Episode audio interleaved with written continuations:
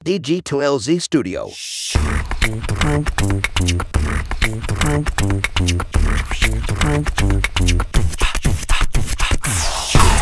Selamat pagi, siang, sore, atau kapan pun waktu yang teman-teman pakai untuk mendengarkan podcast ini. Kembali lagi bersama saya Panji di podcast Ngobrol Bisnis. Dan kali ini sudah bersama saya adalah tamu yang uh, sangat spesial ya, Pak Johannes Eko Prastia Tanjung, atau uh, lebih akrab dipanggil Pak Jet ya. Ya, Halo Mas Pak Jet. aja kali ya, biar Oh, iya, iya. terus saya ya. Ah, Iya, iya, iya, oke, oke. Halo Mas Jet, apa kabar? Kabar baik, annyeonghaseyo. Was- dan mensyariahkan saham masyarakat. Jadi kita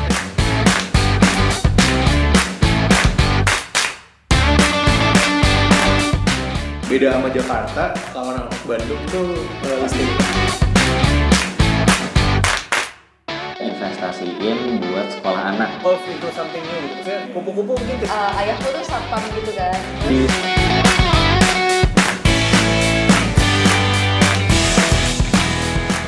Gimana Mas Panji? Ini kayaknya baru baru terasa baru kemarin nih Mas Panji kembali ke tanah air.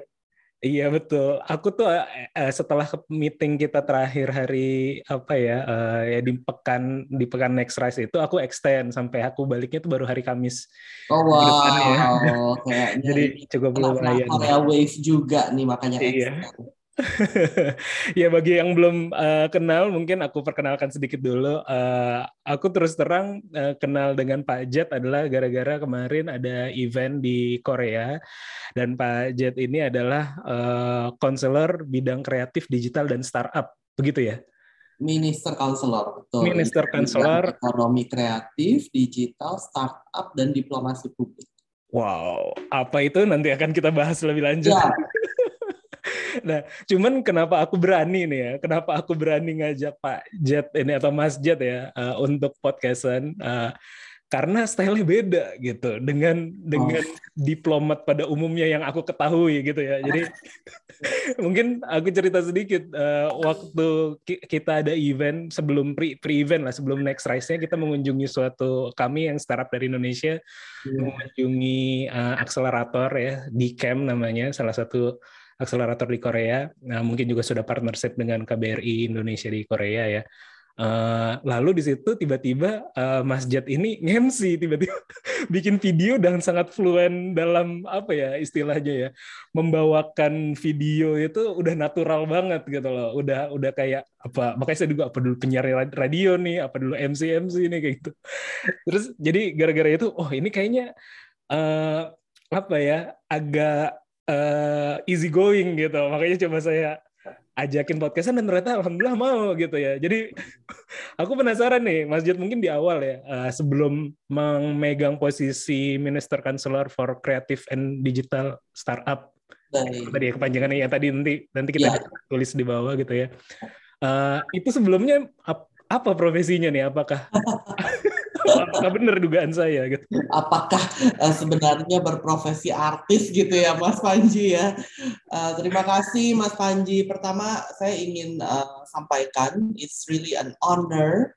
It's uh, also humbling for me to meet Mas Panji uh, for the first place pada saat Mas Panji Prabowo ini adalah pendiri ya dari startup Kiwi berpartisipasi dalam acara Next Rise. Next Rise itu adalah eksibisi dari startup seluruh negara di dunia yang diundang oleh organisernya adalah Kementerian UKM dan Startup Korea Selatan.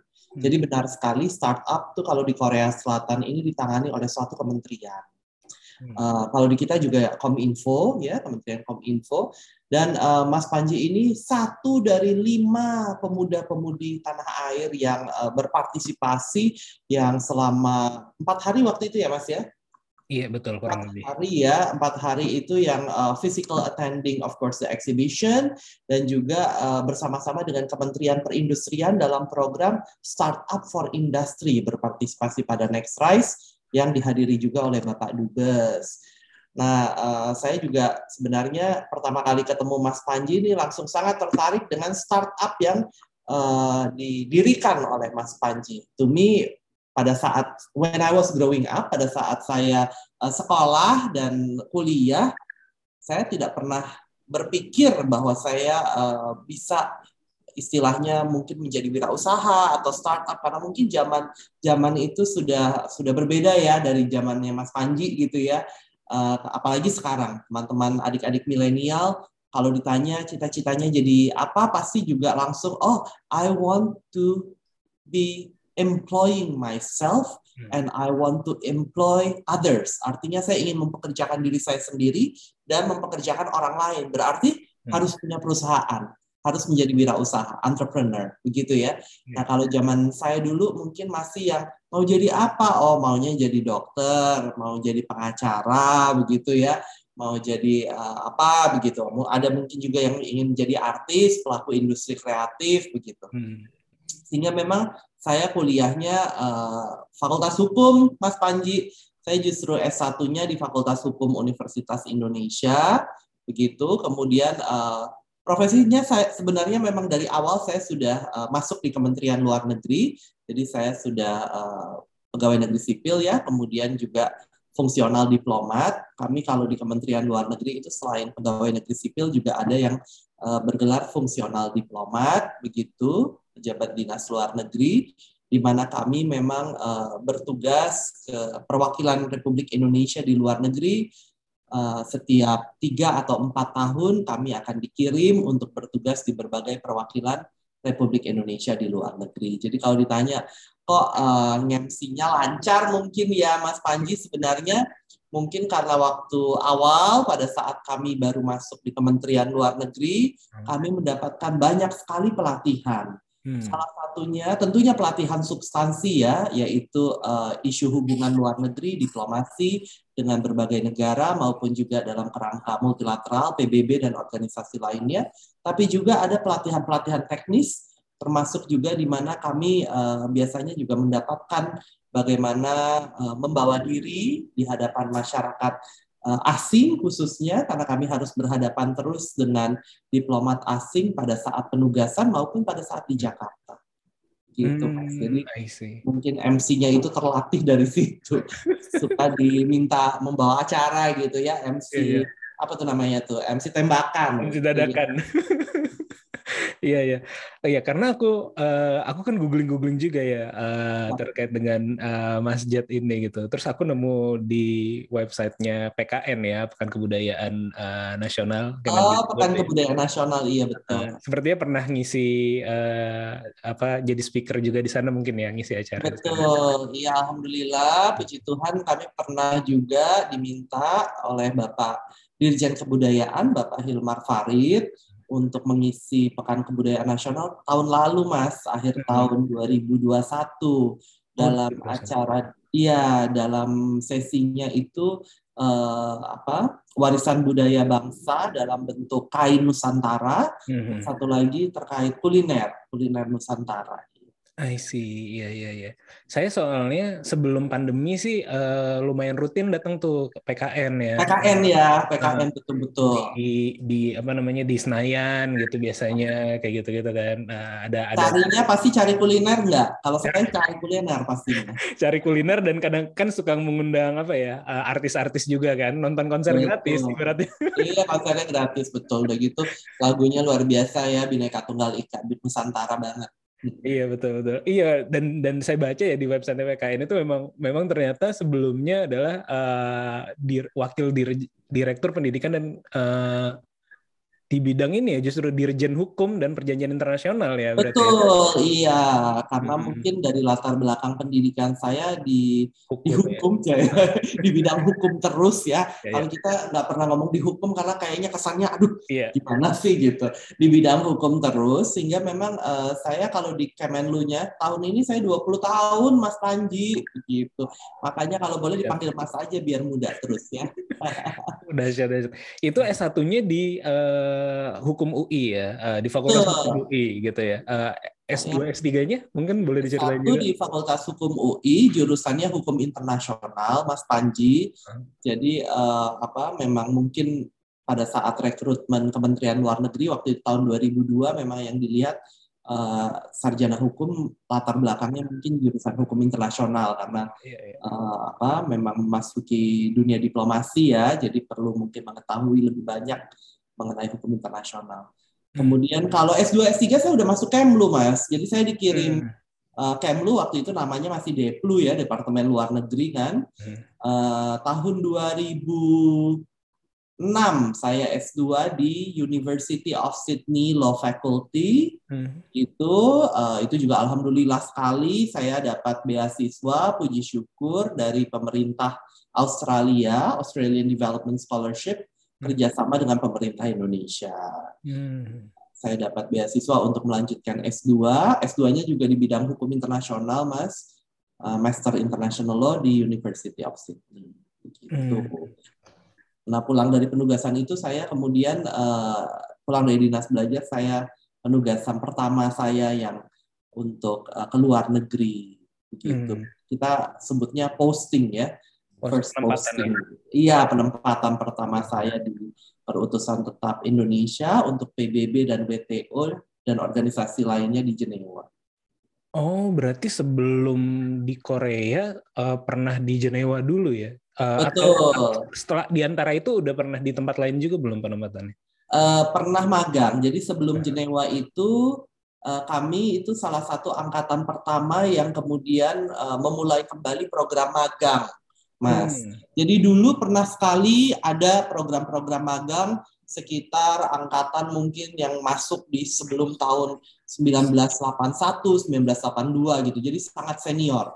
Hmm. Kemudian pada saat kami masuk tahun 2002, kemudian eh, pada saat itu Bapak Menteri Luar Negeri Pak Dr. Hasan Wirayuda Hmm. kemudian eh, apa membuat satu restrukturisasi Kem- Kementerian Luar Negeri namanya. Hmm. Di dalam salah satu semangat restrukturisasi Kementerian Luar Negeri pada saat itu adalah Departemen Luar Negeri ya, Hmm. eh, adalah gimana diplomat-diplomat Muda yang ya. pertama Pratama disebutnya diplomat Pratama ini dilatih sangat profesional bisa benar-benar merasakan dan bukan hanya merasakan jadi bisa merealisasikan kalau bekerja di kedutaan besar di konsulat jenderal seperti apa.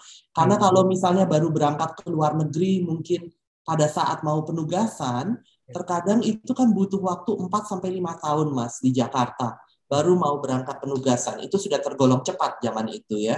Terkadang bisa lebih lama bisa up to 6 to 7 years gitu Hmm. baru mau bertugas ke KBRI sementara kita di Jakarta kita tidak tahu sebenarnya teman-teman atau para senior di KBRI itu tugasnya apa begitu. Apa nature-nya berbeda dari kerjaan kita di Deplu.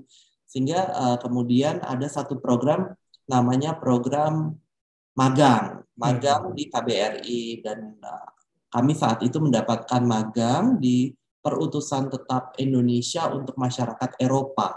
Di Hmm. Brussel di Belgia Oh, gitu. Iya. Kalau saat ini sekarang kalau Mas Panji sampaikan, kok saya cek di Google Mas Jet nggak ada sih yang namanya perutusan Indonesia untuk masyarakat Eropa, adanya KBRI di Brussel. Hmm. Benar, karena sudah beberapa tahun ini perutusan Republik Indonesia Uni Eropa dan KBRI bersatu. Hmm. Jadi sekarang namanya memang Kedutaan Besar Republik Indonesia untuk uh, Kerajaan Belgia dan juga Uni Eropa dan Luxembourg. Tetapi Hmm. saat itu saat kami masuk Deplu masih ada dua perwakilan di uh, Brussel di Belgia yaitu untuk Uni Eropa dan untuk uh, bilateral untuk uh, Kerajaan Belgia.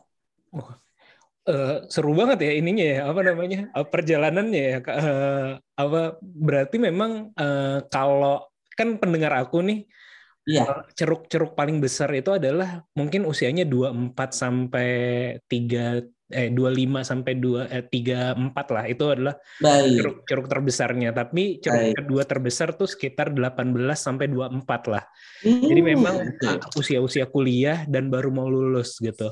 Hmm. Mungkin boleh cerita juga nih tipsnya kalau atau ini kan kayak pe- pekerjaan yang diidamkan oleh anak-anak kuliahan nih. Oh Bisa- gitu ya. Bisa Jadi lulus. diplomat, bener ya. Jadi- Ah, jadi kayaknya ada banyak mau jadi wirausaha. Mungkin mungkin Iya. ada juga yang mau jadi wirausaha, tapi saya rasa eh, pekerjaan apa namanya settle, apalagi bisa keliling-keliling dunia gitu kan, dari Iya, Brussel, Jenewa, sekarang apalagi di Korea kayak gitu kan, itu kayak wah kayaknya kayaknya bagi anak muda tuh wah keren banget nih gitu kan Ya, kerja ya. di luar negeri kayak gitu. Mungkin ada tipsnya Mas gimana bisa masuk Kemlu? Ini jadi jadi agak belok dikit ya. Cuman iya, buat iya. pendengar kita nggak apa-apa lah gitu. Boleh, boleh. Tipsnya apa ya? Saya rasa tipsnya sama mungkin untuk eh, dalam saat kita menekun- menekuni satu eh, profesi Hmm. maupun juga menekuni ilmu, kita memang perlu kerja keras, Mas Hmm. Panji. Ini this may sound cliche, but ya Hmm. memang itu ya. Eh, hard work dan eh, persistent, Hmm. persistent, Mas. Saya rasa eh, kita jangan takut Hmm. pada saat orang lain mengatakan eh, kok kayaknya sangat persisten gitu ya, sangat mungkin dipandangnya ambisi atau bagaimana, tetapi jangan takut untuk menekuni sesuatu apabila memang eh, itu sudah merupakan arah yang ingin kita tempuh Hmm. gitu. Jadi memang pada saat kalau saya boleh cerita pada saat saya belajar hukum internasional Hmm. dari keluarga sendiri, dari orang tua dan dari eh, keluarga besar ya, dari om dan tante bahkan kakak-kakak sepupu yang sudah menekuni ilmu hukum biasanya menyampaikan kenapa tidak ambil hukum pidana Hmm. atau tidak ambil hukum perdata atau tidak ambil hukum bisnis begitu karena memang eh, kalau hukum perdata kita tahu ya bisa menjadi notaris kalau hukum pidana bisa menjadi pengacara Ya. eh, hukum pidana begitu dan banyak sekali pengacara kondang ya pengacara yang sangat ternama di negeri kita Betul. Kemudian juga kalau hukum bisnis tentunya bisa menjadi corporate lawyer, bisa uh, menjadi kuasa hukum di berbagai perusahaan nasional maupun multinasional. Sementara saya memang mungkin dari awal saya sendiri baru merasa di sekitar semester ketiga Hmm. pada saat akan pengalihan ke penjurusan. Penjurusan. Jadi di betul Mas Panji di Fakultas Hukum UI pada saat itu ada tujuh jurusan. Hmm. Uh, satu itu perdata, uh, dua itu praktisi hukum, Hmm. gitu. Tiga itu kalau tidak salah pidana, empat ekonomi, begitu ya. Lima kalau tidak salah tata negara, enam internasional, Hmm. tujuh administrasi negara, Hmm. gitu. Tetapi eh, dari awal mungkin ya saya belum merasa di semester pertama sampai ketiga begitu. Saya masih karena memang semester satu biasanya diberikan hukum perdata, pidana, ekonomi semuanya. Semester kedua dikasih mulai yang hukum acara pidana, acara perdata, jadi mulai pengkhususan. Semester ketiga apalagi ya, lebih dikhususkan lagi. Nah, saya kok dilalah waktu di semester ketiga itu yang pertama saya centang pada saat pendaftaran ulang mahasiswa adalah hukum diplomasi. Oh, Diplomasi, Mas. Hmm. Pada saat itu hukum diplomasi guru besarnya masih tidak tetap. Begitu. Jadi bukan guru besar tetap. Dan saya tidak tahu kenapa beliau itu guru besar tidak tetap. Saya baru tahu setelah setelah kemudian saya eh, apa hampir lulus sebenarnya. Hmm. Begitu. Ternyata guru besar tidak tetap itu eh, namanya almarhum Profesor Sumario Suryokusumo. Beliau adalah mantan duta besar Republik Indonesia untuk Austria untuk Wina. Betul. Dan beliaulah guru besar tidak tetap hukum diplomasi pada saat itu di Fakultas Hukum Universitas Indonesia. Hmm. Dan saya menekuni hukum diplomasi semester 1, semester semester berikutnya lagi semester 3, semester 4 begitu ya. Kemudian eh, akhirnya saya merasa di sini gitu, that's my calling ya. Hmm. Mungkin sama juga dengan Mas Panji pada saat mendirikan Kiwi. What do I need to find ya kan itu kan it's about your calling Hmm. dan itu eh, biasanya teman-teman akan merasakan sendiri. Jadi jangan jangan khawatir meskipun teman-teman mungkin saat ini berusia 18 tahun, 19 tahun ya belum 20. What where is my calling? You will find your calling. But you just have to really work hard. You have to study hard, belajar juga memang benar-benar harus rajin, banyak membaca. Kalau zaman saya mungkin zaman Mas Panji juga masih banyak sekali membaca buku yang benar-benar textbook. Tapi zaman sekarang saya rasa sangat dimudahkan ya. Kita membaca semuanya dari internet ya. Dari Tinggal Google smartphone, aja. Iya. betul. Tinggal di di paman Google, Eyang Google gitu. Kalau di Korea ini Eyang Naver ya, Mas Panji Iya. mungkin kemarin di Korea pakainya eh, Naver atau Kakao kalau untuk search engine. Jadi dan apalagi sekarang ada smartphone, eh, ada laptop, jadi sangat memudahkan teman-teman untuk uh, bagaimana bisa belajar, bagaimana bisa menulis. Oh, don't forget to write. Teman-teman punya ide apa? Tulis. Tulislah untuk teman-teman sendiri. Kenapa? Karena sebaik apa pun ingatan kita, lebih baik pada saat kita realisasikan dalam bentuk tulisan. Karena pada saat tulisan itu that's yours. Nobody can take that from yours. Kalau teman-teman itu baru berpikir, kemudian memiliki ide, langsung direalisasikan ditulis. Ditulislah begitu. Iya, iya, betul, betul. diketik atau dicatat. Iya. Iya. Saya juga ingat eh, ada salah satu saya pernah baca quotes atau baca eh, buku gitu ya. Ada salah satu cara mengikat ilmu dia bilang adalah dengan menuliskannya. Jadi kalau kita misalnya dapat dapat apa ya insight atau dapat eh, knowledge atau dapat apa gitu, ketika kita tuliskan justru itu jadi malah makin nempel ya ke diri kita sendiri gitu. Dan bahkan nanti bisa ya kalau tadi untuk eh, apa masalah eh, IP lah kalau nanti ke depannya atau misalnya wah ini yang pertama kali menuliskan adalah dia nih kan itu bisa jadi eh, ini juga ya Betul sekali, betul Betul. itu Mas Panji, betul untuk pelindungan hak kekayaan intelektual juga yang namanya hak cipta ya paten itu juga memang eh, inovasi yang pertama yang dipandang. Betul. Iya, iya betul. Iya, berarti kayak gitu ya buat teman-teman nanti yang mau mungkin eh, apa namanya kul- kerja di Kemlu atau jadi eh, konsuler di luar negeri atau di Betul. kerja di KBRI, ternyata bukan cuma HI ya. Kalau saya dari itu dulu mikirnya mikirnya adalah Hubungan internasional ya. internasional ternyata dari Betul, jalur betul, hukum betul. juga eh, memungkinkan gitu ya. Betul, betul Pak Mas Panji betul sekali karena bahkan beberapa menteri luar negeri kita adalah sarjana hukum seperti uh, almarhum Bapak Ali Alatas.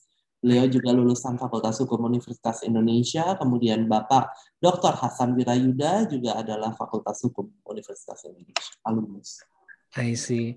Dan uh, ketika saya googling ya uh, terkait dengan masjid ini, salah satu yang saya temukan adalah uh, entah ini uh, berkaitan dengan diplomasinya juga atau tadi juga berkaitan dengan uh, semangatnya untuk menulis. Saya menemukan blognya itulah. Nah, tapi namanya lucu gitu ya. Jet Iya. Fashion Diplomasi. Jet Fashion Diplomasi. Jet, Jet Fashion Diplomasi. Nah, uh, kenapa nih fashion dimasukkan dalam unsur diplomasi? Apakah ada ada kekhususan tersendiri gitu ada ada apa nih mungkin bisa diceritain mas Baik, makasih Mas Panji. Jadi memang eh, sebenarnya mungkin ketertarikan saya terhadap eh, batik ya, sebenarnya bukan fashion saja, tetapi lebih kepada fashion yang buatan Indonesia. Batik dan kain Nusantara tuh berangkat dari sejak masih kecil. Kebetulan eh, saya lahir di keluarga eh, pegawai negeri ya, jadi orang tua eh, pegawai negeri begitu. Ayah pegawai negeri, ibu tuh karena mendampingi ayah kan di Dharma Wanita ya dan ini I was growing up in the 80s. Sama Jadi, betul uh, saya juga bapak saya uh, uh, PNS ya ibu saya juga Dharma Wanita gitu Ibu pasti Dharma Wanita Pasti. betul.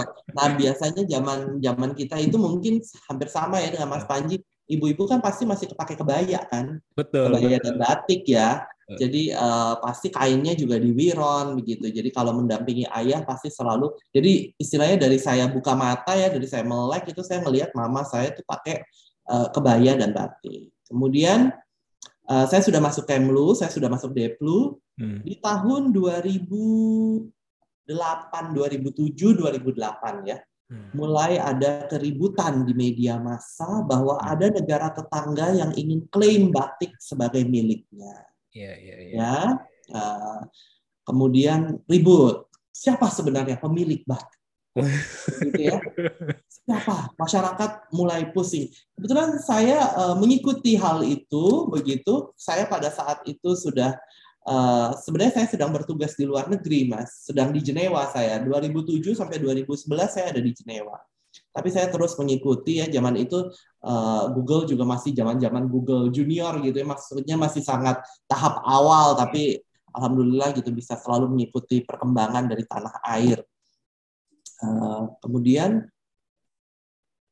UNESCO mengumumkan setelah sidang waktu itu di Abu Dhabi bahwa batik adalah warisan budaya tak benda Republik Indonesia untuk dunia I see. ya batik Indonesia. Uh, saya menjadi lebih aware, saya menjadi lebih paham bahwa ternyata isu batik itu juga merupakan suatu isu yang sangat penting di dalam diplomasi. Hmm. Sama seperti kalau uh, Belanda ya, mungkin bangga dengan kembang tulipnya, Hmm. bangga dengan busana tradisionalnya, begitu. Terus uh, mungkin izin Amerika bangga dengan hamburger ya, ya hamburger is very American I Yeah. think ya, Uh, Coca-Cola, Yeah. kemudian hot dog, hot dog bahkan sangat New York sebenarnya kalau nanti Mas Panji ke berkesempatan ke New York, it's very New York. Hmm. Wherever you go in New York, you can find hot dog begitu.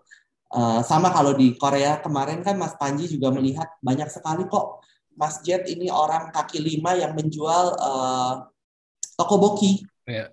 Iya. Uh, bakso ikan Iya. juga ya omu, bakso ikan uh, begitu di Jepang namanya odeng. Sama. Nah kalau kalau Korea bangga dengan hanboknya sebagai ikon diplomasi budayanya, Indonesia kita seharusnya sangat bangga dengan batik. Kenapa? Karena batik kita sudah menempuh ratusan, bahkan ada yang klaim sudah lebih dari seribu tahun. Hmm. Ada arkeolog dan juga seorang analis uh, wastra ya, Hmm. bernama Profesor Mati Bell Jittinger dari Amerika Serikat. Hmm. Masih ada beliau di Amerika. Itu beliau menyampaikan, dan ini saya kutip di dalam uh, disertasi S3 saya, doktoral saya di Sydney. Hmm. There is no country more aligned than the tradition of textile than Indonesia with batik. Tidak ada negara yang lebih terikat dengan tradisinya pada kain tradisional dibandingkan atau sebanding dengan Republik Indonesia dengan batiknya. Bayangkanlah, ini orang lain yang ngomong, orang asing ya. Mungkin kalau kalau warga negara kita sendiri yang menyampaikan, ah paling kita bilangnya, ah enggak lah, mengada-ngada gitu ya. Biasanya kan seperti itu. Tapi kalau warga negara asing yang menyampaikan justru kita, wah bener ya, orang asing saja sampai bilang seperti itu gitu kan Mas Panji. Dan kemudian saya kembali dari Jenewa tahun 2011 itu, dilalah ada ada kasus lagi Mas Panji. Kasusnya kalau batik kan sudah nih, sudah Iya, diumumkan oleh UNESCO, jadi aman lah Hmm. ya masyarakat memandang udah aman batik. Kasusnya apa? Tari tortor, Mas Iya, Panji, iya, iya, Mas iya, Panji, betul, betul, betul. ya dari tanah Batak dan juga gondang sambilan, alat musik gondang sambilan juga dari Sumatera yang menurut masyarakat mau diklaim oleh negeri eh, tetangga begitu oleh masyarakat asing. Hmm. Dan kebetulan pada saat saya kembali dari Jenewa, saya kemudian eh, ditugaskan untuk untuk bekerja di Direktorat Jenderal Hukum Perjanjian Internasional. Ya. Hukum perjanjian internasionalnya bidang ekonomi sosial budaya. Saya kemudian ditugaskan untuk menangani memang perlindungan warisan budaya, termasuk warisan budaya tak benda seperti batik, seperti tortor, seperti gondang sambilan. Sehingga mulai berangkat lagi semakin peduli Mas Panji. Iya, iya, Dan iya. memang bidang tugasnya, bidang pekerjaannya, eh, Sesuai ya. ini ya, isunya hal yang sama. Hmm. Kami kemudian dari Ditjen HPI itu menyelenggarakan satu event, bisa dicek teman-teman di apa di Google juga masih ada, namanya Like Minded Countries Meeting kedua LMCM 2 tahun 2011 begitu ya. Eh, itu mengenai perlindungan sumber daya genetik, pengetahuan tradisional, Hmm. dan ekspresi budaya tradisional termasuk yaitu mengenai pelindungan batik, pelindungan tortor sebagai warisan budaya, begitu, Mas Panji. Itu yang kemudian membuat saya ternyata kalau secara unconscious sebenarnya Iya, mungkin iya, iya. tidak tidak terlalu sadar bahwa itu yang mengarahkan saya kemudian untuk uh, menuntut ilmu lebih tinggi lagi. Hmm. S3, alhamdulillah dapat beasiswa lagi begitu ya untuk uh, pelindungan kekayaan intelektual bidang budaya Indonesia studi kasus perlindungan hukum atas batik. Hmm, I see, I see. Dan itu eh, dari perjalanan tersebut ya, eh, itu jadi dibawa jadi identitas dan nempel ya. Ibaratnya jadi kalau kita ngomongin eh, apa ya, mungkin bisa bilang kayak brand, brand gitu ya. Jadi kayak jet fashion diplomacy itu udah jadi kayak satu brand gitu ya. Itu ya, mungkin saya justru malah nggak terlalu sadar karena Mas Ah. Panji yang menyampaikan saya jadi oh mungkin jadi saya dipandangnya kalau diplomasi batik Mas Jet gitu. Kebetulan memang pada saat kuliah kan kalau S2, S3 di luar negeri ya sama ya sekarang di Indonesia juga ya. eh, Kita harus menerbitkan tulisan, Mas, Iya. baik di jurnal akademik maupun juga di media massa yang Hmm. Media massa yang tentunya uh, ternama ya, yang uh, juga substantif begitu. Jadi memang saya juga banyak uh, menulis di Jakarta Post dan masih ada tulisannya sampai sekarang bagaimana uh, perlindungan mengenai batik ini kemudian menjadi sesuatu yang sebenarnya harus menjadi kesadaran nasional, bukan hanya di tingkat pemerintah ataupun juga di kalangan swasta. Hmm. Kenapa kalangan pemerintah? Tentunya karena ada Kementerian Pendidikan Kebudayaan, Iya. sekarang kita punya Kementerian Pariwisata Ekonomi Kreatif, ada Kementerian UKM juga, dan of course my home uh, ministry ya, Kementerian Luar Negeri yang menjadi istilahnya uh, garda terdepan dari diplomasi Indonesia untuk pelindungan budaya. Tetapi sektor swasta kenapa? Karena memang UMKM Hmm. wirausaha batik itu banyak sekali dan mereka justru lebih banyak Mas Panji Ya. di daerah-daerah terpencil bukan hanya di kota-kota begitu. Kalau di kota-kota itu sebenarnya hanya yang penjual sentra kan ya di Jakarta, di Bandung, di Jogja, tapi justru kan di misalnya di Sleman Iya. itu kan masih menepi sedikit ya dari Jogja ya, bukan persis di ibu kota DI Yogyakarta begitu. Itu justru yang banyak pembatik di Bantul. Iya. Nah kalau di Madura itu uh, Mas Panji pernah ya? Pernah nggak ke Madura? Iya pernah pernah. Udah pernah ya. Nah kalau uh, dari Surabaya kan ada jembatan Suramadu ya. Nyebrang dikit ke- dari jembatan Suramadu itu setelah lewat jembatan itu ada di sebelah kiri dan kanan yang menjual. Hmm. Tapi di itu mereka masih UMKM Mas Panji. Hmm. Di belakang tokonya biasanya mereka membatik sendiri. Nah, ini yang kita perlu bantu. Kenapa? Karena ini bukan saja penggerak atau tulang punggung ekonomi. Mereka lah pelaku ekonomi kerakyatan. Jadi bagaimana kita bisa membantu mereka ini ini luar biasa. Jadi I'm just trying to to do as much as I can ya, tentunya di batas-batas uh, pekerjaan saya sebagai diplomat gitu ya Mas Panji apakah berbentuk promosi batik kalau apa yang bisa saya lakukan melalui media sosial saya Hmm. pasti saya bisa saya akan upayakan yang terbaik Iya iya iya. Iya keren sih. Dan dan saya juga eh, ketika eh, saya juga dulu sempat eh, course sih ya, bukan kuliah tapi di di Brisbane gitu ya, di Australia juga eh, di QUT persisnya di Queensland. Queensland. Queensland Technology University ya Ya Queensland University of Technology eh, Oke. dan eh, eh, biasa kalau orang kita ya eh, entah udah budaya atau apa kita bawa buah tangan kan ibarat. Jadi Betul. saya selalu bawa batik sih sebenarnya kain ataupun uh, udah berbentuk pakaian ya untuk uh, untuk ini saya apa namanya supervisor saya di di kampus kayak gitu. Bahkan Betul. kemarin ketika lagi di Korea pun uh, kita bawa beberapa kain ya untuk kita kasih buat yang pengunjung datang ke booth kita kayak gitu kan. Uh, yang perempuan gitu. Ya karena dan mereka happy banget gitu baik itu orang Australia atau orang orang Korea. Eh, tadinya kita, kita pikir ini akan happy nggak mereka? Dan setelah keluar dari booth kita lihat oh mereka nyoba-nyobain jadi selendang atau apa kayak gitu-gitu. Itu jadi betul. jadi udah udah jadi apa ya? Itu Udah mungkin soft, jadi- soft publikasi yang enak banget ya kayak gitu ya dipakai. ya betul. Jadi Mas Panji kalau saya melihat memang batik itu sudah menjadi satu ikon diplomasi Indonesia. Ikon diplomasi bukan hanya budaya tetapi aset ekonomi kreatif kita. Hmm. Karena pada saat kita berbicara kreatif ekonomi di Indonesia, kita tidak mungkin meniadakan batik. Hmm. Batik itu adalah aset paling potensial dari ekonomi kreatif Indonesia. Hmm. Karena bisa dijadikan dalam medium apa pun, bisa dalam bentuk kemeja, bisa dalam bentuk blus, busana, tapi juga dalam bentuk misalnya nih, nih kerajinan tangan ini kebetulan ada di meja kerja saya. Kenapa?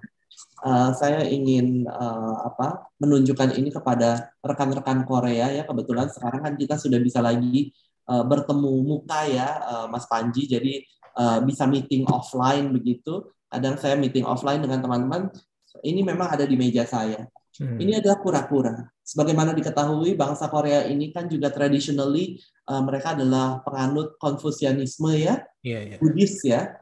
Jadi uh, kura-kura ini memiliki simbol yang sangat penting kalau di bangsa-bangsa di Asia Timur, uh, Korea, Tiongkok, dan Jepang. Iya, betul. Karena apa? Lambang umur panjang, Mas Panji. Betul, betul. Nah, tapi Mbak, kura-kura yang ada di meja saya sangat sangat berbeda. Kenapa? Karena kura-kura batik. Iya. Yang mer- dia dia dipahat, Mas, bukan digrafir ini, bukan dicetak. Dia dipahat nih. Tuh. Jadi ada teksturnya, terus ada motif kawung, motif teruntum, motif mana lagi nih? Iya, motif kawung, teruntum, terus bahkan kaki-kakinya juga ada motifnya ya Iya, iya, iya. begitu. Nah, saya ingin menunjukkan kepada bangsa Korea betapa eh, batik itu sebenarnya jangan dipandang hanya sebagai satu busana. Karena banyak rekan-rekan saya menyampaikan, Johannes, Jet, I cannot wear the batik, it's Hmm. too crowded atau apa? Iya. Terlalu rame. Terlalu Mas rame, ya. Karena orang Korea, Mas Panji tahu ya, sukanya Simple. pakainya monokrom, Hmm. warnanya hitam, putih, so boring sebenarnya ya. I'm sorry for being blunt. Tapi kalau kalau apa kalau orang Indonesia kan kita terbiasa mungkin bajunya warna-warni begitu. Iya. Nah, tapi saya sampaikan sebenarnya jangan dilihat hanya busana, batik itu bisa di medium apa pun. Hmm. Bisa misalnya untuk ini ya, untuk satu handcraft. Ini kalau dibuka, Mas, tuh. Kalau ini saya Oh. kosongkan ya, tapi bisa Iya. kita taruh potpourri gitu ya, kembang kering atau bisa taruh lilin aromaterapi bisa Iya, atau juga bisa untuk misalnya klip begitu kan untuk Iya, iya, iya. keperluan kantor, Kantor. post-it begitu. Sehingga memang eh, batik itu adalah satu aset ekonomi kreatif dan ini saya rasa sudah disampaikan berulang kali juga iya, iya. dari Kementerian Parekraf maupun Kementerian UKM ya Iya, iya. bahwa eh, wirausaha batik itu UKM batik adalah tulang punggung perekonomian. Oke. Nah, terkait dengan eh, oke kita ngebahas eh, batik tadi sebagai salah satu aset kreatif Indonesia kayak gitu ya. Hmm. Dan eh, sekarang seperti yang eh, ya tadi udah diperkenalkan juga Mas Jet sekarang di Korea gitu. Dan eh, salah satu mungkin bisa saya bilang pengekspor industri kreatif terbesar mungkin ya bisa dibilang ya di dunia saat ini gitu. Maksudnya dalam, dalam artian konteks industri kreatif bukan cuman eh, apa ya kerajinan atau atau kesenian tapi juga bahkan jadi industri pop culture gitu kan. Eh, rata-rata ya Asia Tenggara atau Asia bahkan Amerika itu juga udah jadi pengimpor apa ya industri kreatif Korea kayak gitu. Eh, dan saya lihat juga divisinya atau apa ya istilahnya departemen atau bidangnya ya bidangnya Mas. Jet ini kan spesifik banget ya industri kreatif Betul. digital dan startup. Mungkin boleh diceritain dulu Mas eh, korelasinya nih kenapa ada eh, bidang tersebut, terus juga eh, apa yang mau dilakukan di bidang tersebut. Mungkin belajar dari Korea atau menyalurkan eh, yang dari eh, industri Indonesia ke Korea, industri kreatif Indonesia ke Korea. Mungkin boleh diceritain Mas. Ya, jadi benar sekali eh, Mas Panji untuk bagaimana kenapa fungsi ini kemudian muncul diciptakan Hmm. adalah saya tentunya berterima kasih kepada Bapak Duta Besar Gandhi Sulistianto yang merupakan seorang eh, duta besar yang visioner ya. Pak Dubes Gandhi Sulistianto ini bukan diplomat karir Mas Panji kan eh, pernah ya ke- kemarin dikunjungi oleh Pak Dubes ya di boothnya Mas Panji bahkan diskusi banyak bagaimana mengembangkan eh, startup Kiwi. Hmm. Pak Dubes itu memang berasal dari kalangan eh, pebisnis ya pengusaha begitu ya dan eh, Pak Dubes kemudian memandang Indonesia sedang memimpin G20. Hmm. Mungkin Mas Panji dan teman-teman pernah dengar ya G20 itu apa? G20 adalah forum dari 20 negara dengan ekonomi terbesar di dunia. Iya. Ya, salah satunya adalah Indonesia. Indonesia di tahun 2022 ini didaulat menjadi presiden atau pemimpin dari forum G20 dan ini pertama kalinya bagi Indonesia memimpin forum G20. Presiden Joko Widodo kemudian menegaskan ada tiga tema utama dari G20 kita. Yaitu yang pertama adalah Global Health Architecture, arsitektur kesehatan global. Hmm. Kenapa? Karena bagaimana dengan kondisi dunia pasca pandemi COVID-19. Bagaimana apakah kita harus bisnis as usual seperti dulu, Hmm. di mana industri kesehatan mungkin kelihatan seperti industri yang sangat sulit ditembus dan obat-obatan sangat mahal, khususnya untuk negara berkembang. Nah, Indonesia kemudian mengangkat tema itu juga untuk eh, istilahnya bisa memfasilitasi, menjembatani bagaimana keperluan di bidang kesehatan. Kedua adalah sustainable atau renewable energy, energi terbarukan. Ya, energi ini menjadi isu yang sangat penting karena tentunya uh, tidak bisa lagi bergantung pada sumber-sumber energi lama. Begitu ya, harus sekarang energi itu terbarukan dan berkelanjutan. Hmm. Nah, isu ketiga yang terpenting adalah transformasi digital. Hmm. Saya lihat dari uh, 2014 ya sejak Bapak Presiden mulai uh, memimpin Indonesia, isu digital ini menjadi penting. Demikian juga isu ekonomi kreatif. Hmm. Ya, di mana kita melihat tumbuhnya banyak sekali startup, termasuk Mas Panji nih. Makanya saya salut sekali dengan generasi muda yang pendobrak. Pendobrak tuh kenapa? Pendobrak itu bukan sesuatu yang negatif loh, Mas Panji.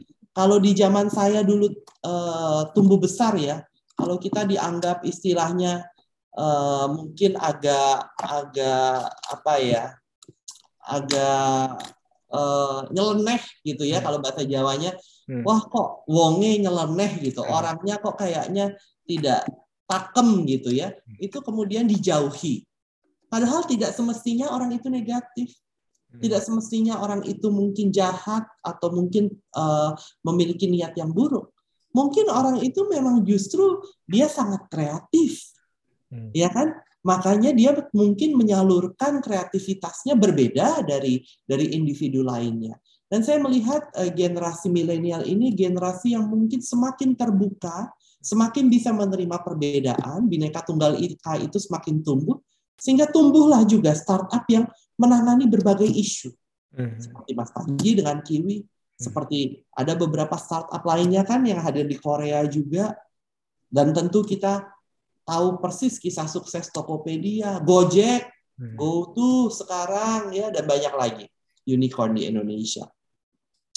Jadi eh, Pak Dubes kemudian berpandangan apabila Indonesia sudah memimpin G20 dengan tema transformasi digital, sejogyanya KBRI Seoul yang merupakan kepanjangan tangan dari pemerintah Indonesia, dari Kementerian Luar Negeri, ya istilahnya kita ini kan kantor cabangnya pemerintah Indonesia nih Mas, kedutaan besar Indonesia di Seoul. Kita juga perlu untuk mengutamakan isu ekonomi digital. Apalagi di Korea ini memang yang terdepan adalah ekonomi digital, ekonomi kreatif, dan startup. Kita tahu sekali itu. Selain tentunya perdagangan dan investasi ya Mas, Iya, iya. itu yang uh, merupakan istilahnya kembang-kembangnya Korea Selatan begitu. Sehingga Pak Dubes kemudian uh, membentuk fungsi baru di mana saya alhamdulillah puji syukur dipercaya untuk mengemban uh, melaksanakan tugas-tugas dari fungsi ini ekonomi kreatif, digital, percepatan startup Oke. begitu. Iya, iya, iya.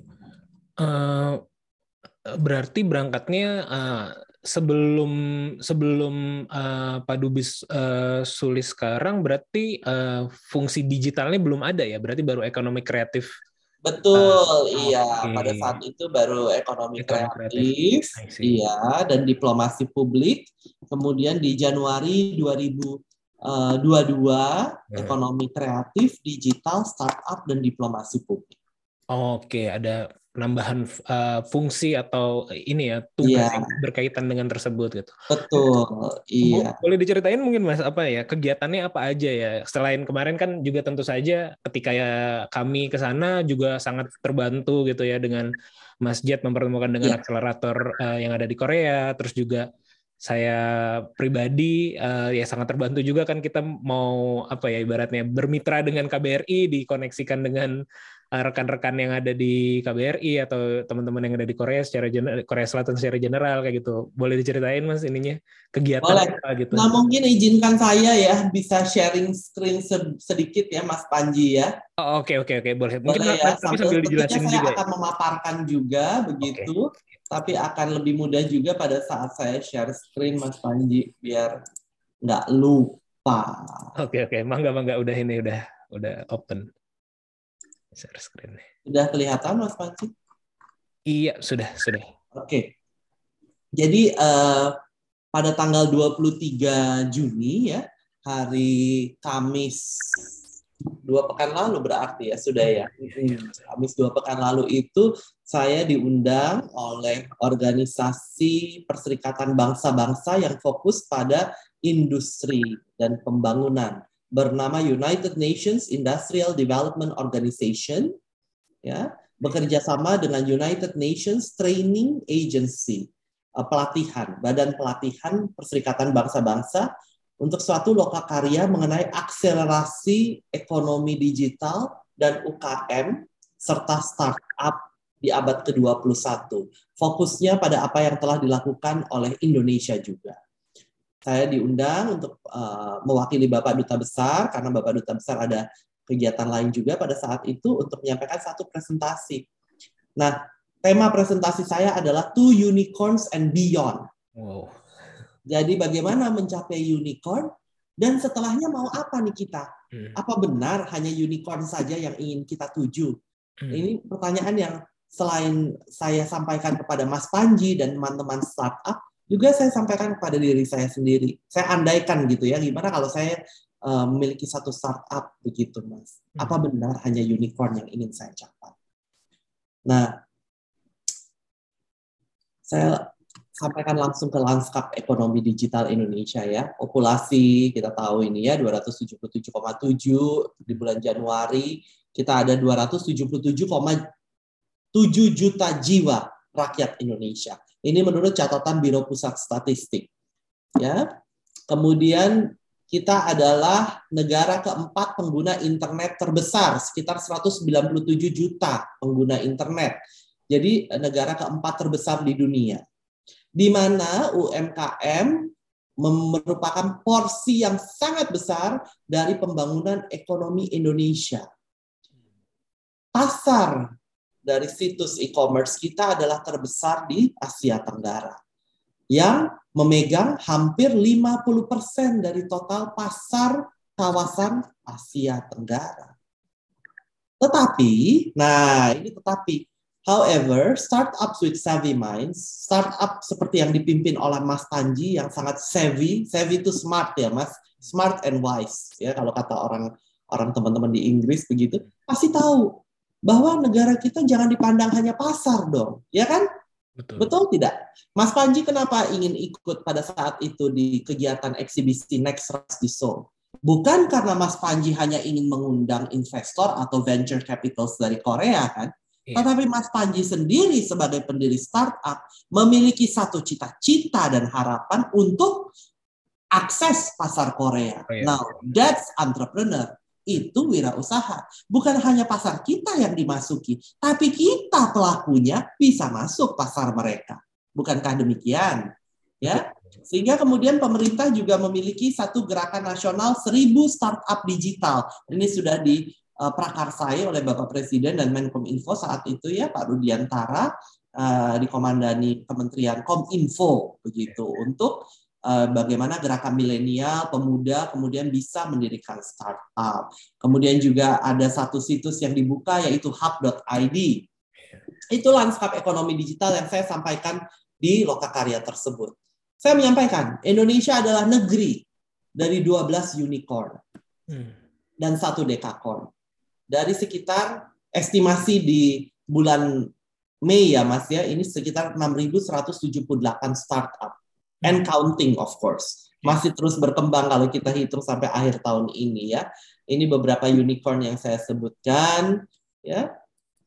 Ada GoTo, ada JT, Bukalapak dan sebagainya. Nah, kita lihat sekarang digital economy landscape dari Korea Selatan. Hmm. Apa sih keunggulan mereka?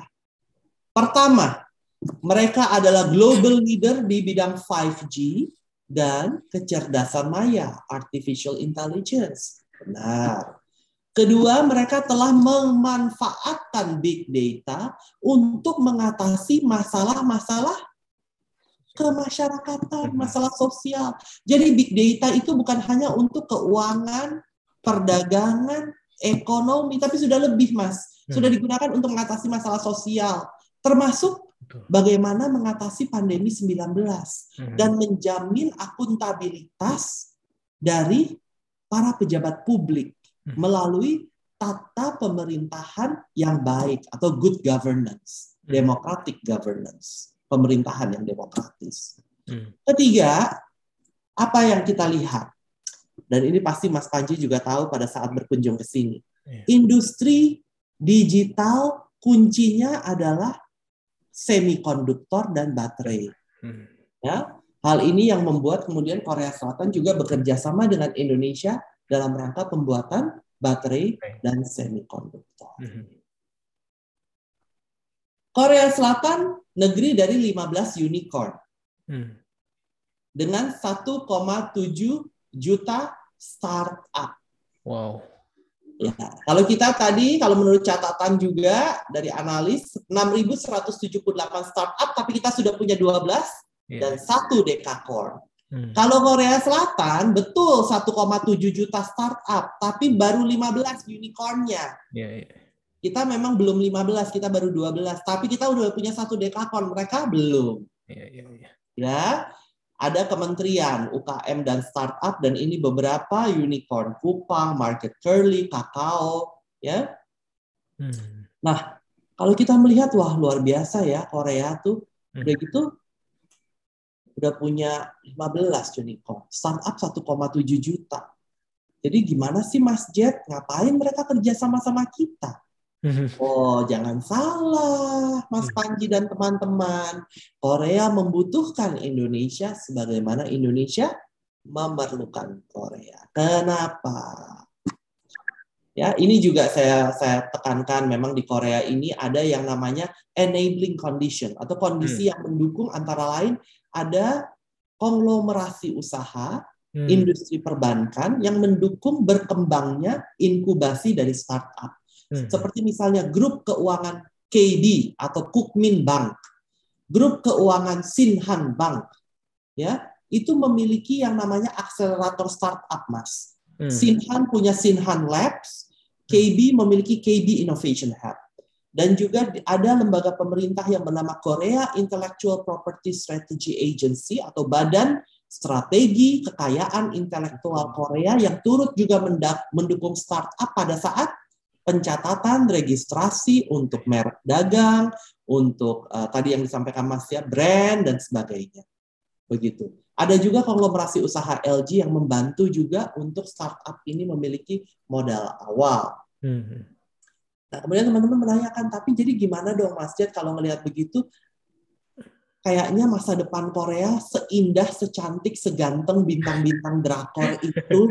Hah? Seperti Yoon Bin dan Son Ye Jin di Hmm. di Crash Landing on You, ngapain mereka kerja sama-sama kita? Gitu kan? Is the outlook really as beautiful as K-drama? Hmm, Hmm. saya serahkan kembali ke teman-teman untuk iya. menjawabnya. Saya sampaikan satu fakta. Hmm. Faktanya adalah ada laporan dari Perserikatan Bangsa-Bangsa yang menyatakan Korea ini menjadi satu aging society Hmm. atau masyarakat dengan penduduk usia yang Makin. tidak produktif semakin banyak, Hmm. alias penduduk usia senior, Mas Hmm. Panji. Iya, iya. Usia produktifnya semakin berkurang. Ini saya sampaikan data sumbernya dari BPS Korea Hmm. atau Badan Statistik Korea. Ya. Di mana di tahun 2020 penduduk dengan usia 25 tahun bahkan di bawah 25 tahun jumlahnya hanya 23,1 juta. Hmm. Penduduk di bawah usia 15 tahun hanya 12 juta bahkan menurun. Yang banyak apa? Yang banyak adalah penduduk berusia 65 tahun atau bahkan di atas sekarang udah 18 18 persen dari populasi. Ingat penduduk mereka jumlahnya sekitar 51 juta jiwa. Kita bulan Januari kemarin tadi kan saya sampaikannya 277,7 juta jiwa and counting. Hmm. Mas. Dan kita akan memiliki bonus demografi di tahun 2030 sampai 2050. Iya. Di saat tahun Indonesia emas 100 tahun Indonesia merdeka, centenary Indonesia Iya. 2045 kita sedang mengalami dan menikmati bonus demografi Hmm. Di mana penduduk usia produktif jauh lebih tinggi dari usia non produktif. Sementara mereka di tahun 2003, ini Mas, di tahun 2060 Hmm. penduduk usia di atas 65 mereka akan mencapai 40,1. Wow. Artinya 100 rakyat penduduk usia produktif berusia 15 sampai 64 tahun bagi mereka 64 masih produktif mind you Oke. akan mendukung 80,6 rakyat yang berusia di atas 65. Hmm, hmm, hmm. Luar biasa kan perbandingannya rasionya Ya, kan, ya, Mas? ya, ya. Nah, bagaimana mereka tidak membutuhkan kita? Apa iya semuanya bisa dilakukan oleh kecerdasan maya atau robot? Iya. Iya kan? Iya betul betul betul. Sementara Indonesia land of productive people, young people. Hmm, hmm. Jadi, so do Korean digital economy players and startup industries need Indonesia? Absolutely. Hmm. And so do Indonesians. Kita juga memerlukan Korea. Oleh karena itu, melalui investasi di bidang ekonomi digital, ekosistem startup, dan juga penciptaan lapangan kerja yang menghasilkan tentunya pendapatan yang lebih tinggi dan alih pengetahuan. Hmm. We both need each other. Bukan salah satu, tetapi dua-duanya kita saling membutuhkan. Nah, ini kemudian berangkat kepada isu di mana Bapak Presiden di bulan eh, Juni kemarin ya, Bapak Presiden sudah membuka secara resmi pabrik mobil Hyundai Motor Manufacturing Indonesia yang memproduksi mobil listrik, electric vehicle Hmm. made in Indonesia semuanya, buatan Indonesia dan yang akan mengendarai para pimpinan negara, kepala negara, kepa- kepala pemerintahan G20 pada saat KTT G20 nanti di Bali. Ya, ya, ya. Presiden pada saat itu menyampaikannya bahwa pemerintah Indonesia sedang membangun satu ekosistem mobil listrik dalam skala besar Hmm. yang akan meliputi dari hulu ke hilir, Mas, sektornya.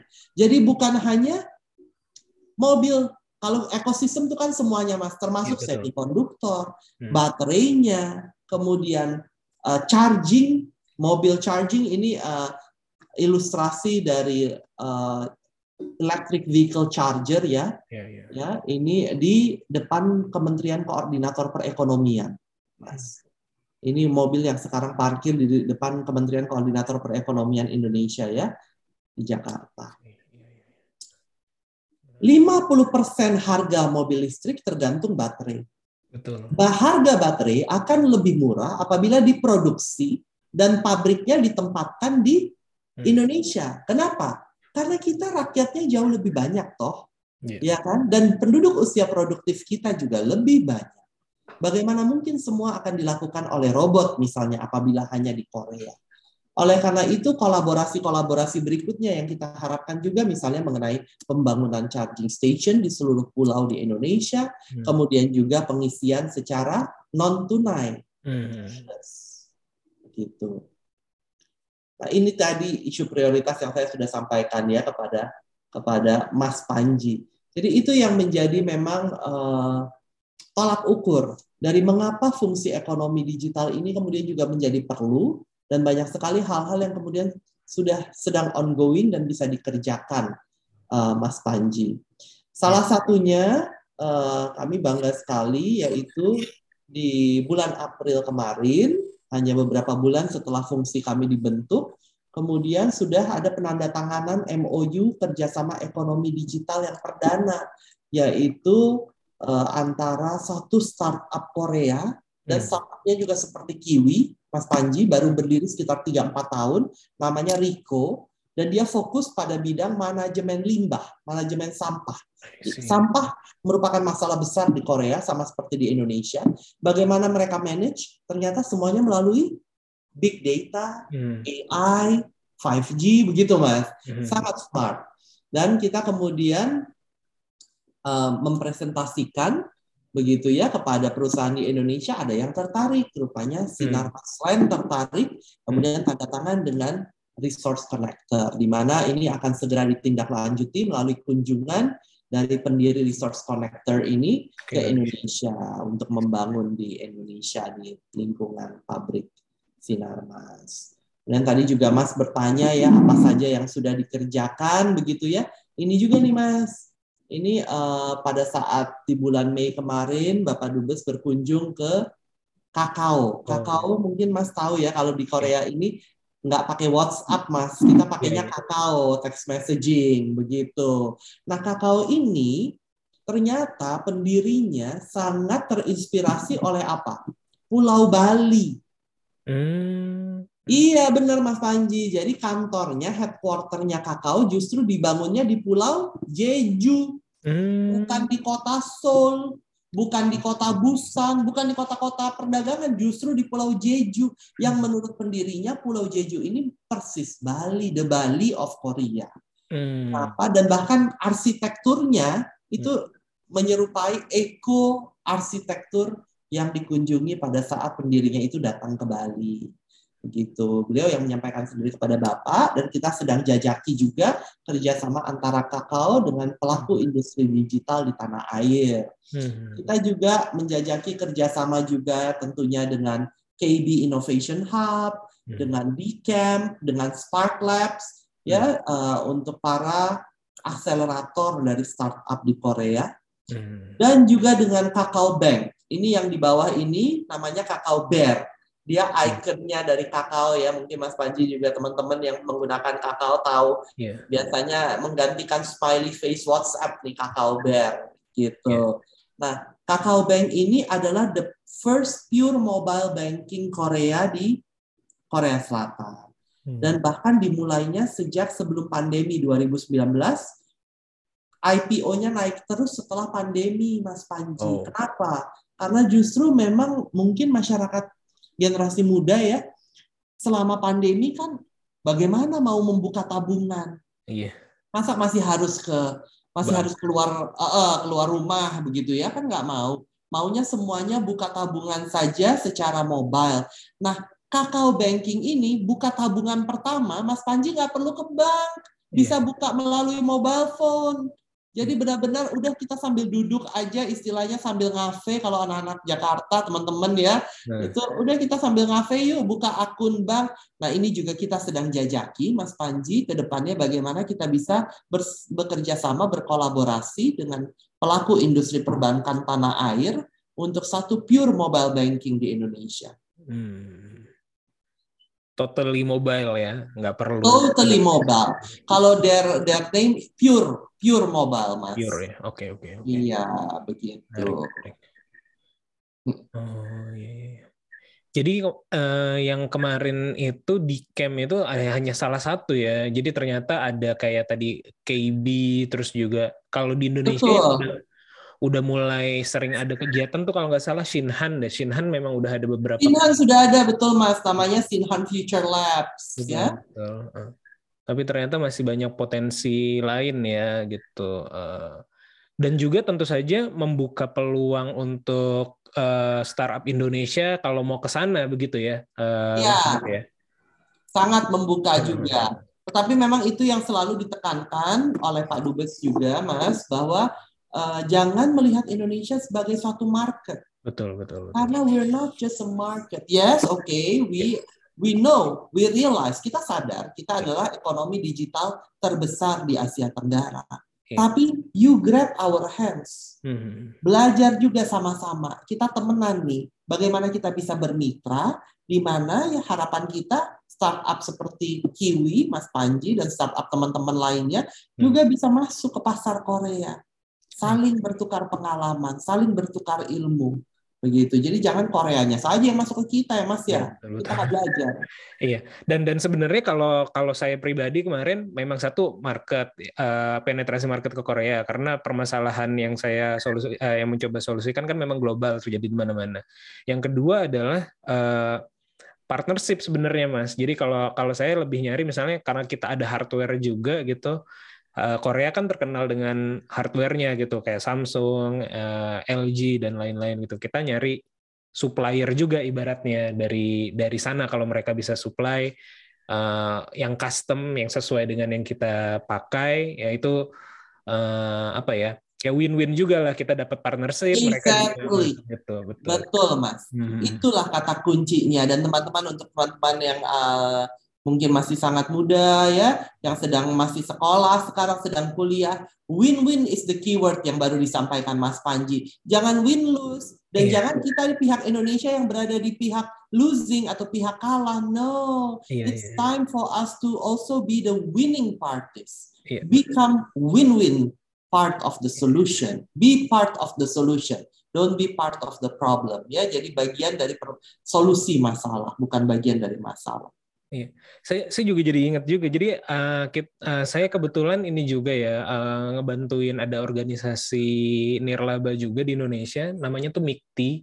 Uh. MIKTI ini uh, pendirinya juga kalau nggak salah tuh Pak Indra Utoyo ya. Dulu beliau adalah di Telkom, terus di BRI, sekarang di Alobank juga kalau nggak salah gitu ya. Baik. Uh, MIKTI ini kepanjangannya dari masyarakat industri kreatif eh apalagi saya lupa masyarakat masyarakat Industri kreatif dan kreatif, ya. teknologi teknologi informasi atau digital. Jadi jadi kurang lebih sebenarnya fungs- seperti fungsinya eh, Mas Jet gitu fungsi industri kreatif dan fungsi eh, digital kreatif dan dan startup kayak gitu. Mungkin nanti eh, saya coba konekin ya. Jadi eh, saya saya kenal dengan apa eh, sekjennya sekarang dan atau ketuanya juga kenal sih Eh, barangkali bisa ada kolaborasi nanti ininya ya apa namanya eh, KBRI eh, Indo- KBRI Seoul gitu dengan MIKTI atau ya mungkin tadi ya eh, sekedar eh, mungkin webinar atau eh, karena yang di handle oleh MIKTI ini cukup banyak startupnya di bawahnya jadi Bisa banget. Bisa juga Ayo Mas. kunjungan ke Sekarang sana Mas Panji juga di MIKTI, ayo kita kerjasama. Kalau bisa Iya, iya, justru jangan hanya webinar atau Iya, mungkin iya, kita fasilitasi misalnya eh, beberapa Visiting gitu ya. startup yang Hmm. bisa visiting dan juga ya yang kita inginkan adalah benar-benar one on one ya Mas. Jadi Mas Hmm. menemukan eh, potential matchmaking gitu. Jadi Iya. Betul, kalau betul, betul. misalnya ketemu istilahnya bukan kan jodoh tuh bukan hanya jodoh suami istri ya Mas. Iya.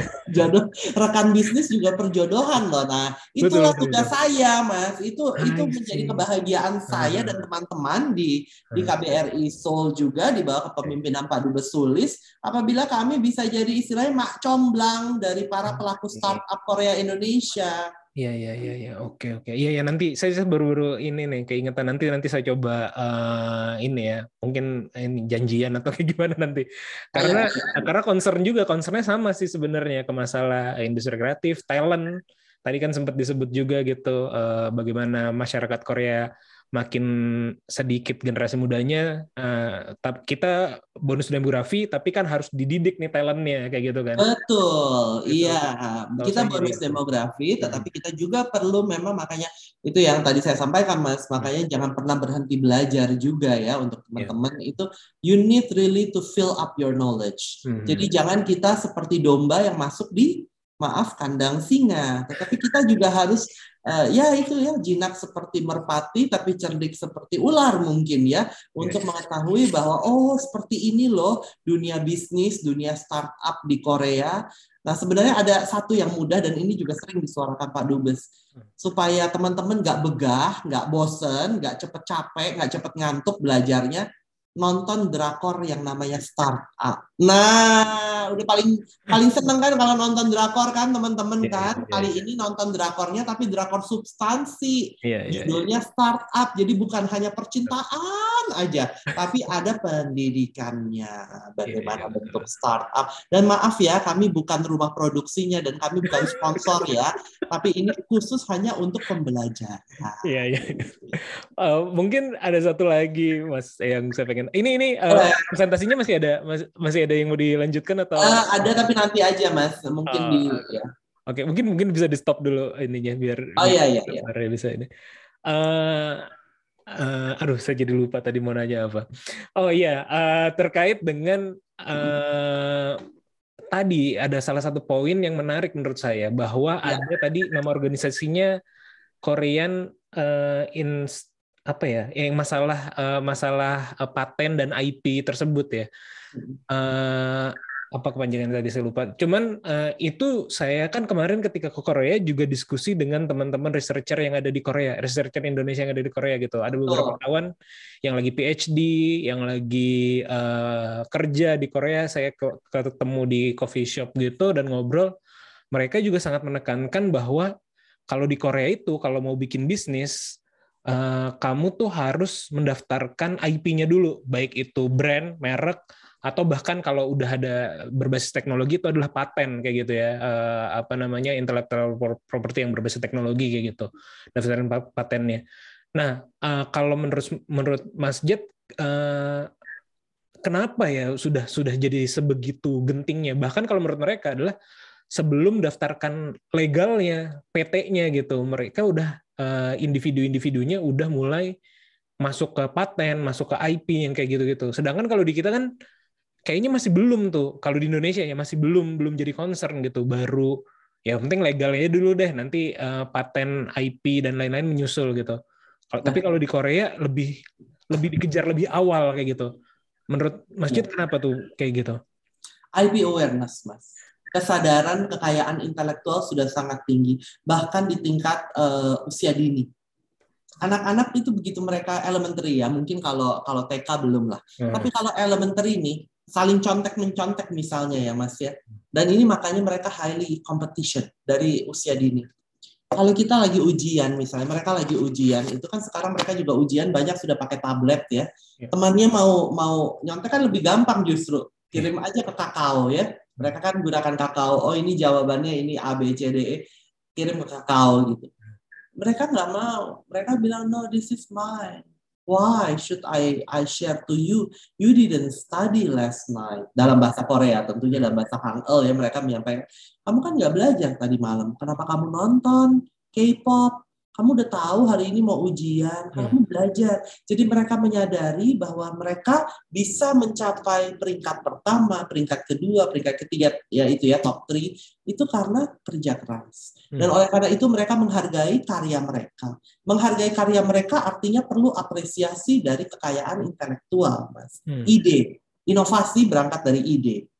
Nah, kalau di kita yang penting maaf ya, ini mungkin ini mungkin bluntly ya saya sampaikan kadang-kadang kan kita kalau yang saya lihat ya, bukan saya tapi teman-teman yang misalnya penjual batik nih Mas ya, desainer.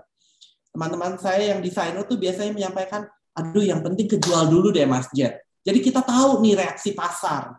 Kalau misalnya eh, kemejanya apa motifnya yang laku tuh misalnya motif parang begitu. Ya kita musim ini kita parang terus aja. Kalau bi- kalau memang di musim depan juga orang masih suka parang, ya parang lagi begitu. Hmm. Jadi eh, mungkin yang dilihat adalah selera pasar dulu.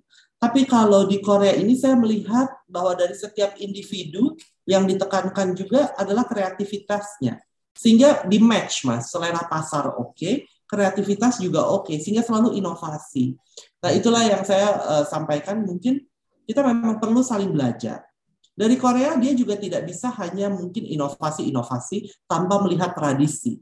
Hmm. Kalau dari Indonesia, saya rasa apabila kita nikahkan nih, Mas, Hmm. misalnya hanbok dengan batik, Hmm. itu luar biasa.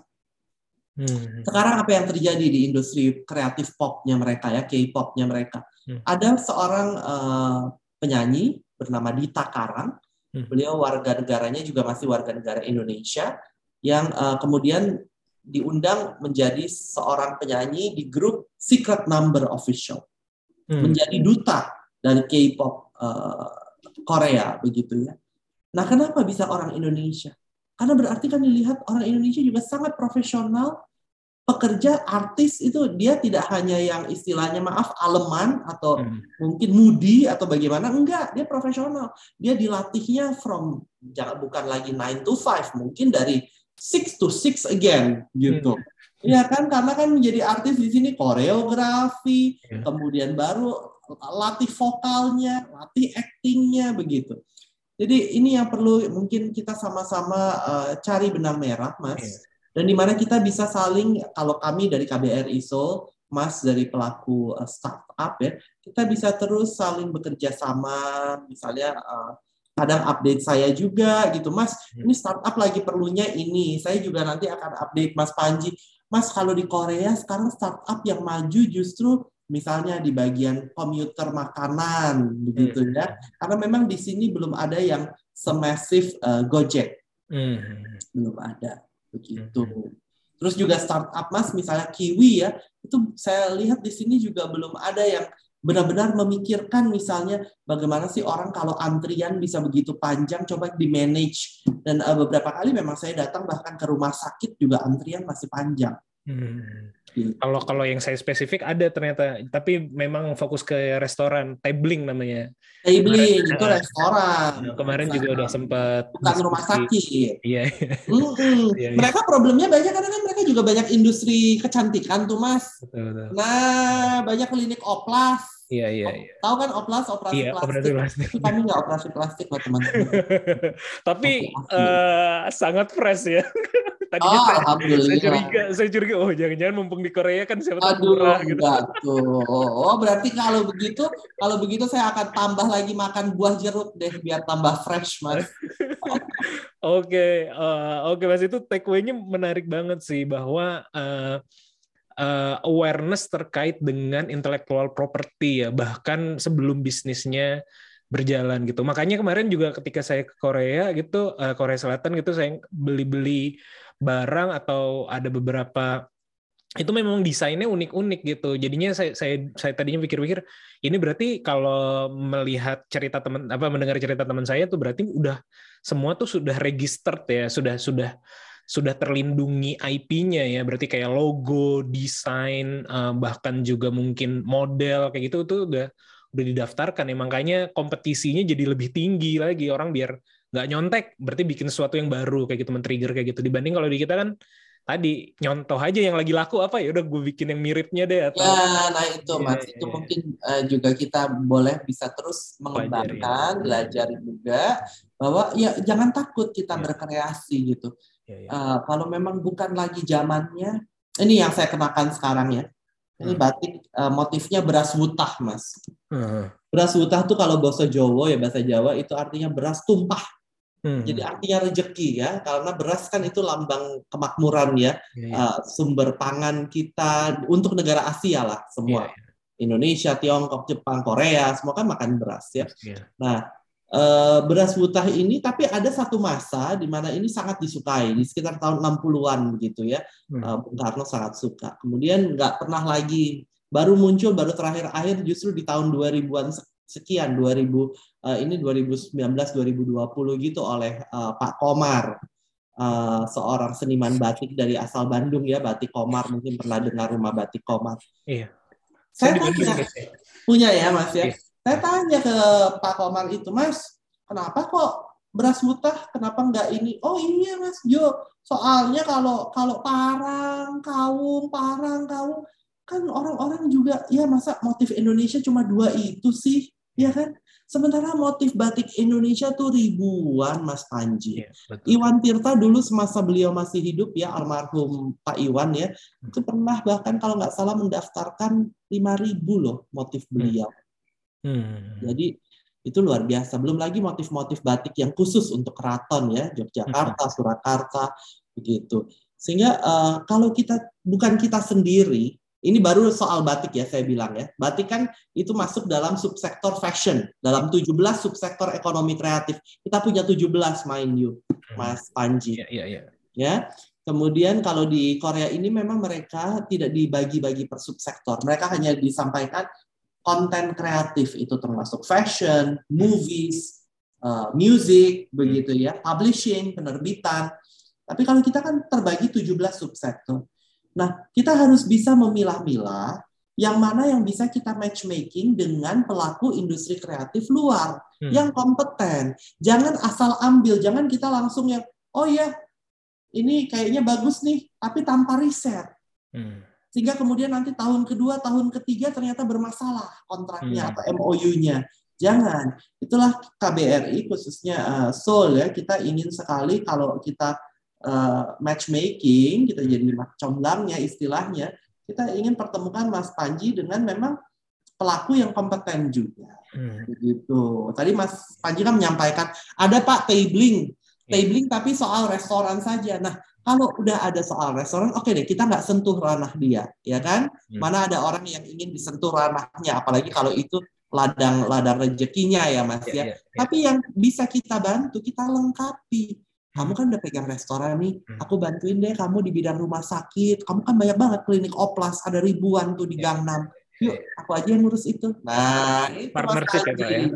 Iya, jadi semangatnya sama-sama sih memang untuk adalah saling membantu Iya. dan alhamdulillah kalau dapat cuan juga ya Mas Panji. Iya, betul. alhamdulillah.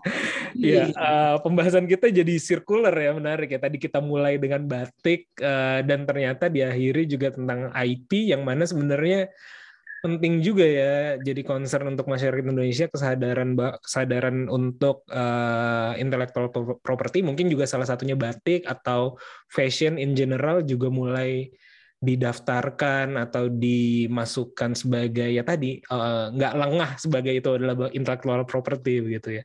Betul. Uh, uh, terima kasih uh, Mas Jet atas waktunya nih udah ngobrol-ngobrol sore-sore atau di Terima kasih Mas Panji. Ada satu mungkin yang boleh saya Boleh, angkat boleh. juga Mas Panji Boleh, Mas. ini eh, adalah mengenai Next Indonesia Unicorn. Oke.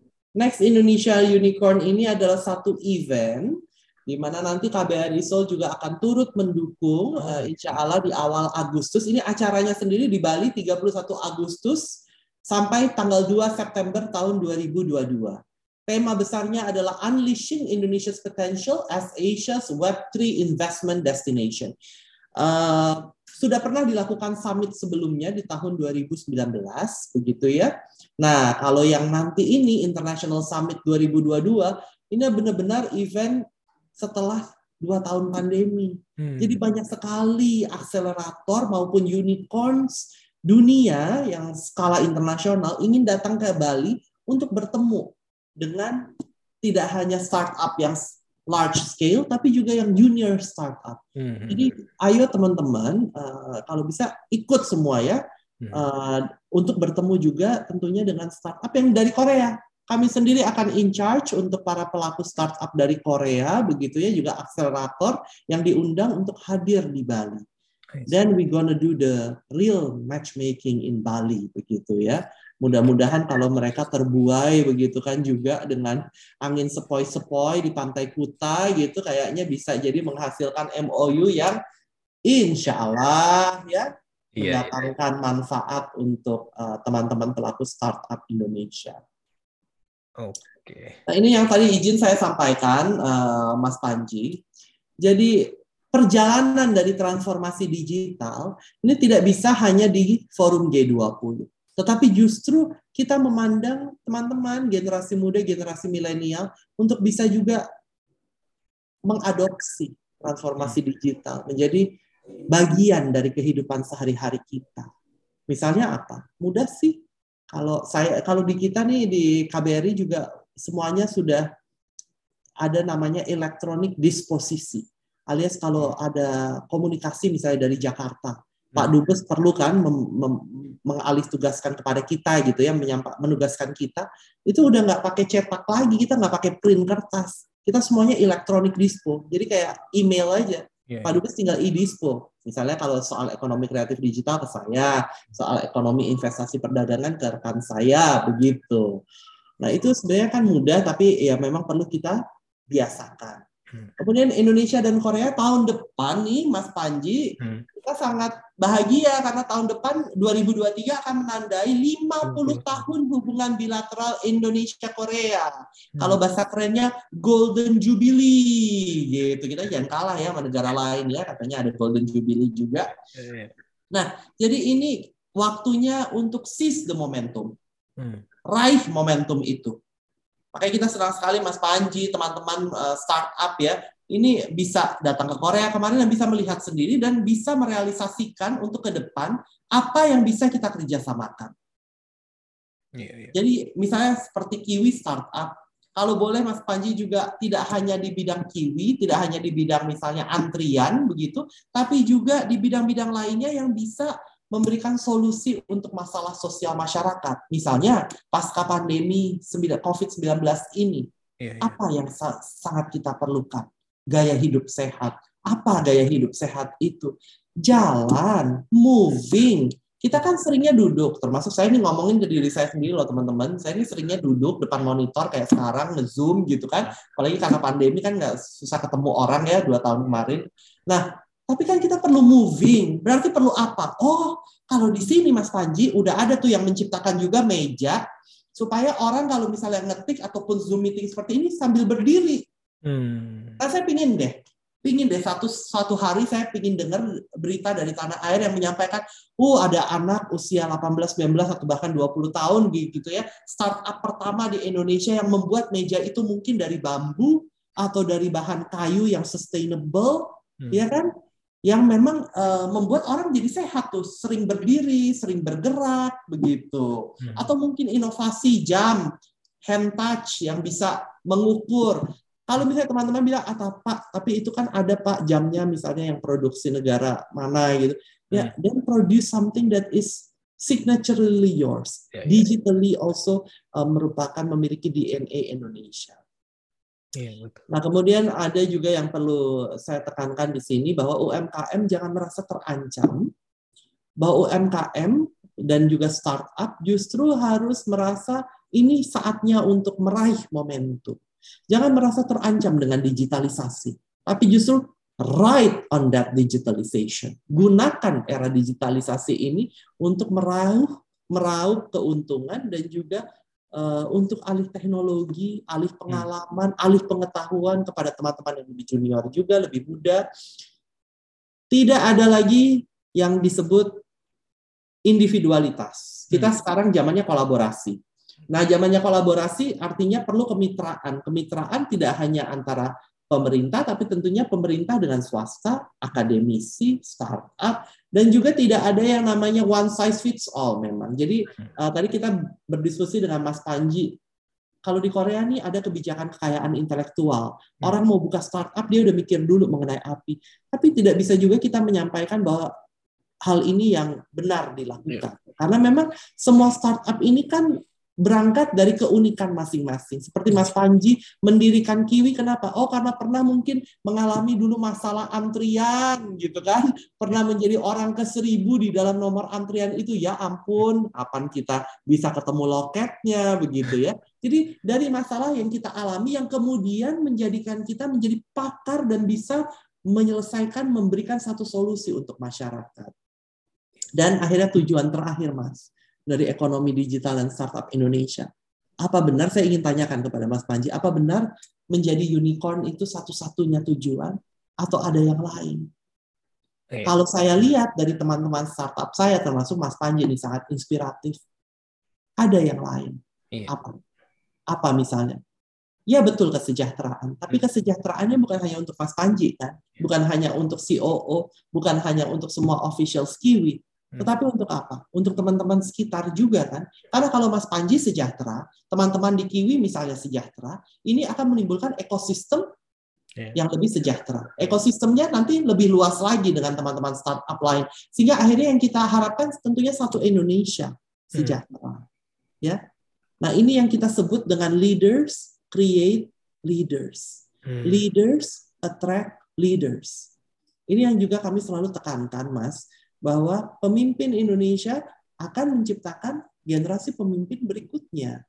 Jadi justru jangan kita saling ah udah ah males ah kita nggak mau ah kita pelit ilmu ah takut ah nanti kesaing sama dia jangan justru Hmm. it's not the era of competition it's the era of collaboration when you collaborate you reach higher and bigger aim Hmm. Betul, betul, betul. jadi ini uh, menjadi food for thought, makanan pertimbangan untuk kita semua yang bisa kita resapi. Juga ada yang dinamakan tujuan pembangunan berkelanjutan atau Sustainable Development Goals, antara lain pengentasan kemiskinan, kesejahteraan untuk semua, pendidikan untuk anak-anak usia dini, ya penguatan gender, gender empowerment. Ini adalah merupakan tujuan-tujuan yang sudah termaktub di dalam Perserikatan Bangsa-Bangsa, di mana Indonesia juga merupakan salah satu pencetus. Hmm.